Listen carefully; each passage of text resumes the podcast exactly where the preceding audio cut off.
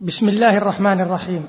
الحمد لله رب العالمين والصلاة والسلام على أشرف الأنبياء والمرسلين نبينا محمد وعلى آله وصحبه أجمعين. أيها المستمعون الكرام سلام الله عليكم ورحمته وبركاته.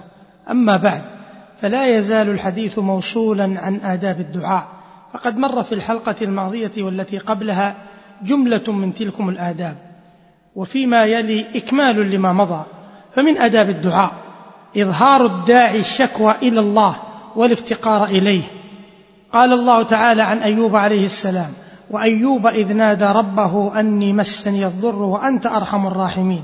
وعن زكريا عليه السلام رب لا تذرني فردا وأنت خير الوارثين. وعن يعقوب عليه السلام إنما أشكو بثي وحزني إلى الله. وعن موسى عليه السلام رب إني لما أنزلت إلي من خير فقير. قال ابن المبارك رحمه الله قدمت المدينة في عام شديد القحط فخرج الناس يستسقون فخرجت معهم إذ أقبل غلام أسود عليه قطعة خيش قد اتزر بإحداهما وألقى الأخرى على عاتقه فجلس إلى جنبي فسمعته يقول إلهي أخلقت الوجوه عندك كثرة الذنوب ومساوئ الأعمال وقد حبست عنا غيث السماء لتؤدب عبادك بذلك.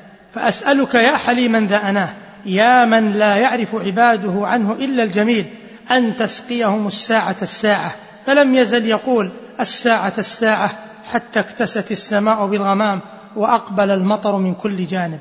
ومن آداب الدعاء أن يتخير الداعي جوامع الدعاء ومحاسن الكلام بدلا من التطويل والحشو والتفصيل الذي لا داعي له. فقد كان رسول الله صلى الله عليه وسلم يستحب الجوامع من الدعاء ويدع ما سوى ذلك.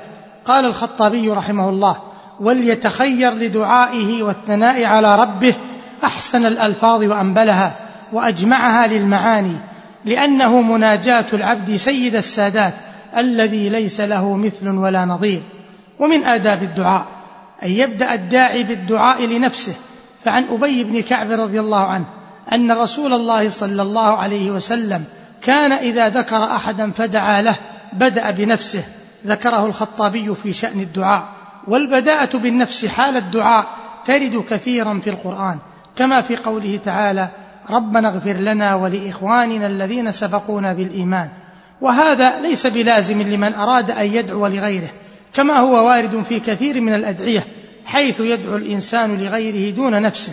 وقد يقال إذا أراد الدعاء لنفسه ولغيره فليبدأ بنفسه ثم يثني بغيره وإذا أراد الدعاء لغيره فحسب فلا يلزم أن يبدأ بنفسه كما مر في دعاء النبي صلى الله عليه وسلم لعبيد بن عامر حيث دعا لعبيد دون أن يدعو لنفسه. ومن آداب الدعاء أن يدعو لإخوانه المؤمنين فهذا من مقتضيات الأخوة. ومن أسباب إجابة الدعوة قال الله تبارك وتعالى واستغفر لذنبك وللمؤمنين والمؤمنات وذكر عن نوح عليه السلام قوله رب اغفر لي ولوالدي ولمن دخل بيتي مؤمنا وللمؤمنين والمؤمنات. وقال عليه الصلاة والسلام من استغفر للمؤمنين والمؤمنات كتب له بكل مؤمن ومؤمنة حسنة. ذكره الهيثمي في مجمع الزوائد وقال إسناده جيد وحسنه الألباني. ويحسن أن يخص بالدعاء الوالدان والعلماء والصالحون والعباد ومن في صلاحهم صلاح لأمر المسلمين كأولياء الأمور وغيرهم. ويحسن به أيضا أن يدعو للمستضعفين والمظلومين من المسلمين وأن يدعو على الظالمين الذين في هلاكهم نصر للإسلام والمسلمين وراحة للمستضعفين والمظلومين. ومن آداب الدعاء الجميلة خفض الصوت والإسرار بالدعاء. قال تبارك وتعالى ادعوا ربكم تضرعا وخفية إنه لا يحب المعتدين. وعن أبي موسى رضي الله عنه قال كنا مع النبي صلى الله عليه وسلم فجعل الناس يجهرون بالتكبير فقال النبي صلى الله عليه وسلم أيها الناس اربعوا على أنفسكم إنكم لا تدعون أصم ولا غائبا إنكم تدعون سميعا قريبا وهو معكم رواه البخاري. هذا ولخفض الصوت والاصرار بالدعاء فوائد عديدة وأسرار بديعة. وقد أشار شيخ الإسلام ابن تيمية وتلميذه ابن القيم رحمهم الله إلى شيء من ذلك. فمن فوائد وأسرار خفض الصوت بالدعاء ما يلي. اولا أنه أعظم ايمانا لأن صاحبه يعلم أن الله يسمع دعاءه الخفي. وليس كالذي قال إن الله يسمع إن جهرنا ولا يسمع إن أخفينا. ثانيا أنه أعظم في الأدب والتعظيم. ولهذا فإن الملوك لا تخاطب ولا تسأل برفع الأصوات وإنما تخفض الأصوات عندهم بمقدار ما يسمعونه. ومن رفع صوته عندهم مقتوه.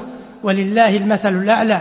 فإذا كان يسمع الكلام الخفي فلا يليق بالأدب بين يديه إلا خفض الصوت. ثالثا أنه أبلغ في التضرع والخشوع الذي هو روح الدعاء ولبه ومقصوده.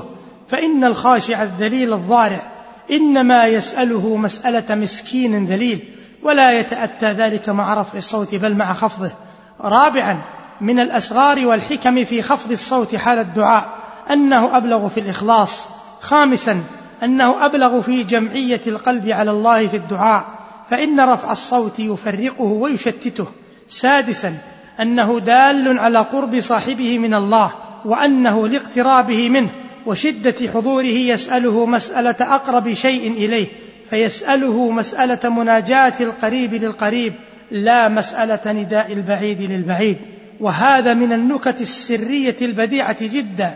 سابعا أنه أدعى لدوام الطلب والسؤال فإن اللسان والحالة هذه لا يمل والجوارح لا تتعب بخلاف ما إذا رفع صوته فإنه قد يكل لسانه وتضعف بعض قواه وهذا نظير من يقرأ أو يكرر رافعا صوته فإنه لا يطول له ذلك بخلاف من يخفض صوته. ثامنا أن إخفاء الدعاء أبعد له من القواطع والمشوشات والمضعفات فإن الداعي إذا أخفى دعاءه لم يدر به أحد فلا يحصل هناك تشويش ولا غيره. وإذا جهر به تفطنت له الأرواح الشريرة والخبيثة من الجن والإنس فشوشت عليه ولا بد ومانعته وعارضته. ولو لم يكن إلا أن تعلقها به يفرق عليه همته فيضعف أثر الدعاء لكفى. ومن له تجربة يعرف هذا؟ فإذا أسر الدعاء وأخفاه أمن هذه المفسدة. تاسعا من حكم خفض الصوت أثناء الدعاء الأمن من شر الحاسدين. ذلك أن أعظم النعم نعمة الإقبال على الله والتعبد له والانقطاع إليه والتبتل إليه ولكل نعمة حاسد على قدرها دقت أو جلت. ولا نعمة أعظم من هذه النعمة. فأنفس الحاسدين المنقطعين متعلقة بها وليس للمحسود أسلم من إخفاء نعمته عن الحاسد. وألا يقصد إظهارها له وكم من صاحب قلب وجمعية وحال مع الله قد تحدث بها فسلبه إياها الأغيار فأصبح يقلب كفيه. أيها المستمعون الكرام إلى هنا ينتهي وقت هذه الحلقة وللحديث صلة في الحلقة القادمة إن شاء الله. والسلام عليكم ورحمة الله وبركاته.